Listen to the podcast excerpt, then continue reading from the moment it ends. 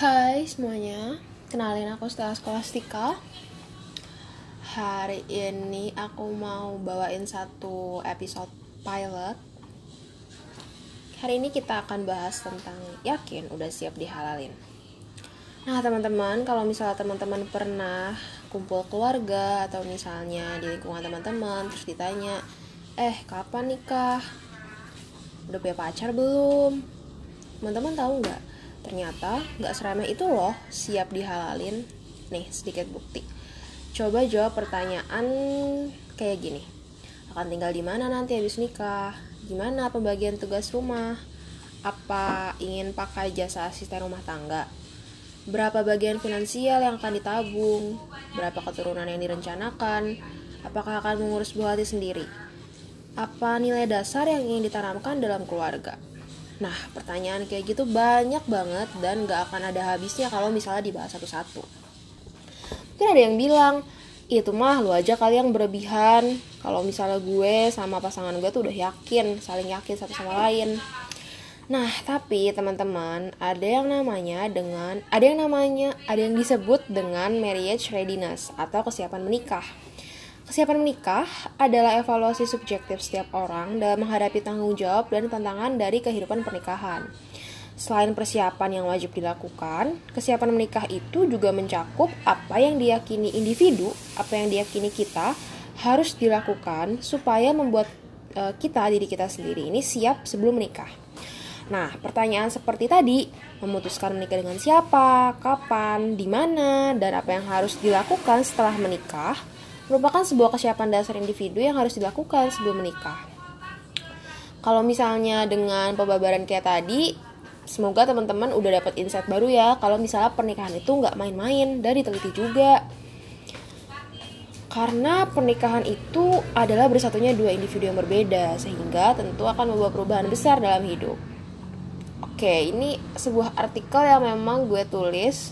Jujur aja gue juga belum nikah, tapi Semoga dengan hal ini kita bisa belajar bareng-bareng tentang pernikahan dan seberapa penting persiapan menuju pernikahan itu untuk menciptakan suatu keluarga yang uh, ke depannya itu akan baik. Semoga akan baik. Nah, teman-teman, keluarga yang sejahtera ini juga dipengaruhi oleh kesiapan nikah tadi loh. Semakin matang kesiapan suami dan istri saat menikah, semakin siap menjadi orang tua, maka semakin baik stimulasi psikososial yang akan diberikan. Hal tersebut meningkatkan perkembangan sosial anak menjadi lebih baik. Efeknya jauh juga ya, karena kesiapan menikah ini ternyata dinilai sangat penting bagi kehidupan pernikahan nantinya. Kesiapan menikah mempengaruhi kemampuan individu untuk berkomunikasi dengan baik, mengatasi konflik, dan meningkatkan kemampuan finansial serta mental. Kesiapan menikah perlu dilakukan baik oleh pihak laki-laki, calon laki-lakinya nih, dan pihak perempuan atau calon pengantin perempuannya, sehingga dapat mengurangi risiko perceraian dan mengupakan, mengupayakan kestabilan keluarga. Nah, kemapan, kemapanan dalam banyak faktor seperti mapan emosi dan finansial dari baik pihak suami maupun istri dapat menentukan tumbuh kembang anak dan mempengaruhi keadaan kesehatan anak dan keluarga. Nah, ini ada satu data yang menarik nih teman-teman dari uh, nih uh, Catahu 2021 judulnya tentang penyebab perceraian menurut kategorisasi PA. Nah, ini kalau misalnya teman-teman lihat dari Catahu 2021 ini yang paling tinggi atau yang paling besar penyebab perceraian itu adalah perselisihan dan pertengkaran terus-menerus. Yang kedua itu karena ekonomi dan yang ketiga itu meninggalkan salah satu pihak. Nah, dengan hal ini kita bisa semakin aware kalau misalnya perceraian itu faktor yang besar cukup berpengaruh adalah perselisihan dan pertengkaran terus-menerus. Diharapkan dengan tingkat kesiapan yang lebih tinggi, jumlah perceraian ini dapat berkurang sehingga keluarga yang sejahtera dapat terbentuk. Karena perceraian itu tidak hanya berdampak kepada baik pihak suami maupun istri, tetapi juga akan berdampak besar pada anak. Karena itu, semoga dengan persiapan pernikahan yang lebih baik, maka tingkat kejadian perceraian ini dapat berkurang. Nah, terus ini ada pernyataan menarik nih.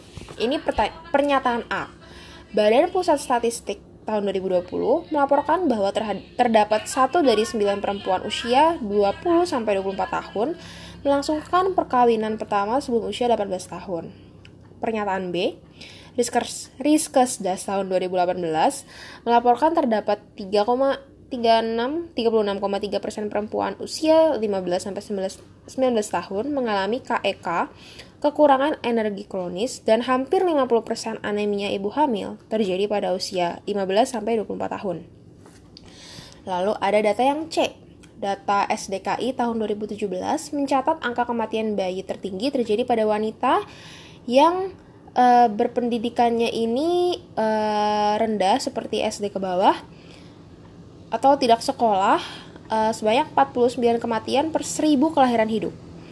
Lalu berat badan lahir rendah atau BBLR di Indonesia meningkat menjadi 6,2 persen dan terbanyak pada ibu kurang dari 20 tahun saat melahirkan 9 persen dan tidak bersekolah 12 persen. Lalu ada lagi nih data yang D. Prevalensi stunting di Indonesia sebesar 29,6% dan masih tergolong tinggi berdasarkan standar WHO. Lalu data yang kelima, Kasus perceraian terus meningkat sejak tahun 2015 hingga 2020. Jumlah pasangan bercerai sekitar 4,7 juta pada tahun 2020. Nah, teman-teman mungkin kayak apaan sih ini datanya banyak banget. Gue aja bahkan udah lupa sama data yang pertama.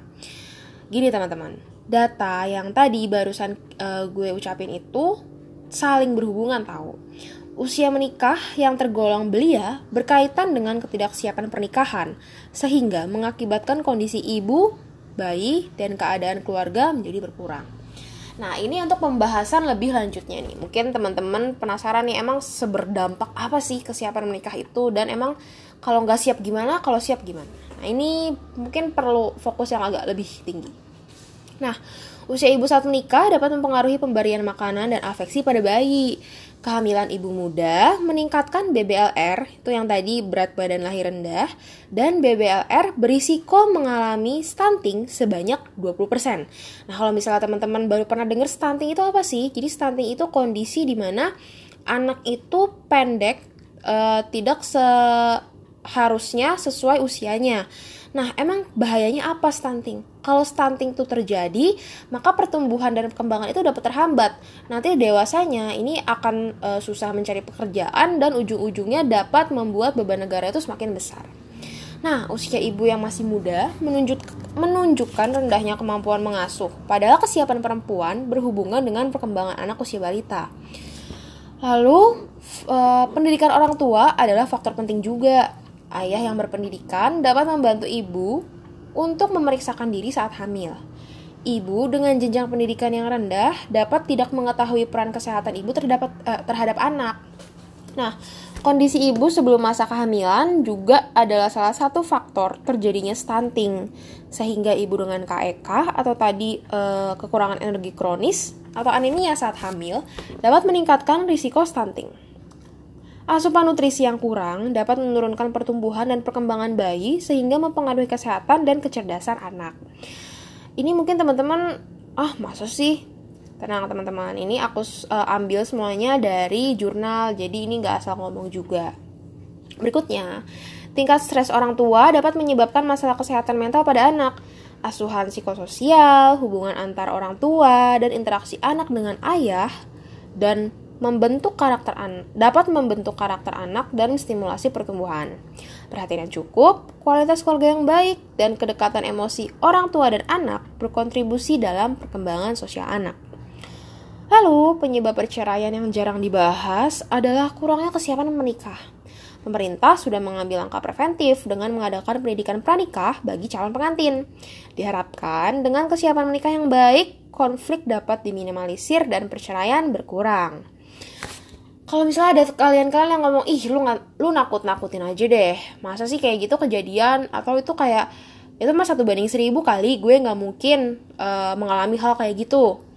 Nggak gue nggak bermaksud kayak gitu. Tapi ini sebagai bentuk awareness aja untuk gue untuk teman-teman yang dengar mungkin supaya kita sama-sama belajar. Semakin aware pentingnya kesiapan menuju halal dan apa aja pengaruhnya Oh ya, ada yang disebut maternal agency. Jadi maternal agency ini adalah bagaimana peran seorang ibu menggunakan ilmu dan sumber daya yang dimiliki untuk mengambil keputusan yang tepat bagi keluarganya. Inisiatif dan peran ibu berpengaruh loh terhadap bayi dan keluarga. Tapi jangan lupa juga yang tadi faktor pendidikan sangat mendukung jadi baik dari ayah maupun ibu itu sangat-sangat berpengaruh kalau misalnya ayahnya berpendidikan kan uh, bisa ngingetin ibunya nih untuk kontrol kehamilan dan juga mendampingi Nah, BKKBN ini menyatakan ada 10 dimensi kesiapan keluarga yang harus diperhatikan calon pasangan. Yang pertama itu kesiapan usia. Usia idealnya itu minimal 25 bagi laki-laki dan 21 bagi perempuan. Lalu kesiapan fisik, finansial, mental, emosional, sosial, moral, interpersonal, keterampilan hidup, kesiapan intelektual. Nah, teman-teman, ini bisa teman-teman cek mungkin ada pertanyaan-pertanyaan yang bisa teman-teman isi di websitenya BKKBN nih di https titik dua uh, garis miring garis miring questionnaire dot uh, garis miring. Nah, selain itu, untuk mengecek aspek kesehatan, penting dilakukan pemeriksaan kesehatan pranikah. Ada yang disebut premarital screening check-up atau tes pranikah.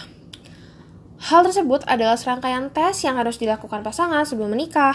Tes pranikah bertujuan mengetahui kondisi kesehatan pasangan calon dan dapat digunakan untuk perencanaan keluarga, seperti mencegah terjadinya penyakit genetik dan hal-hal yang lainnya. Sebaiknya dilakukan 6 bulan sebelum menikah. Tahapannya itu terdiri dari pemeriksaan fisik secara lengkap. Uh, ini pemeriksaan umum ya, seperti tekanan darah. Lalu pemeriksaan penyakit hereditas. Contohnya pemeriksaan genetik dan penyakit keturunan. Ketiga, pemeriksaan penyakit uh, menular seperti Hep B, hepatitis B, Hep C, hepatitis C, HIV atau AIDS. Keempat, pemeriksaan organ reproduksi. Yang terakhir, pemeriksaan alergi. Nah, teman-teman, Kesiapan menuju halal sangat berpengaruh terhadap keluarga dan terbentuknya generasi masa depan. Jika calon siap, jika pasangan calon siap, akan meningkatkan kemungkinan terbentuk keluarga sejahtera dan menciptakan generasi unggul bagi negara. Jika tidak siap, masalah kesehatan seperti stunting, anemia, dan penyakit mental berisiko tidak berkurang. Dampak jangka panjangnya berpengaruh pada beban negara ketika ingin menikah nanti jangan lupa tentang hal tadi ya yang udah kita bahas bareng-bareng.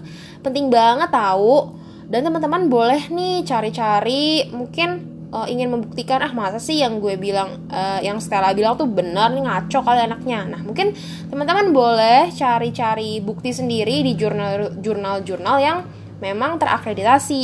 Bisa dari PubMed atau dari jurnal uh, kesehatan uh, apa konsumsi dan keluarga dari uh, uh, universitas tertentu atau mungkin juga dari uh, Garuda Indo apa uh, website Garuda itu yang uh, portal uh, Garuda di Indonesia. Perlu banget teman-teman untuk cari informasi sebanyak-banyaknya Nah, kesiapan kamu berbanding lurus dengan unggulnya generasi calon si kecil kamu. Habis ini jangan lupa kalau udah dengar mungkin boleh uh, buka bahan diskusi ke teman-teman tentang hal ini. Kayaknya dari gue gitu aja untuk episode pilot ini. Hmm, lama juga ya gue ngomong. Gitu deh, semoga bermanfaat. See you di episode berikutnya. Bye.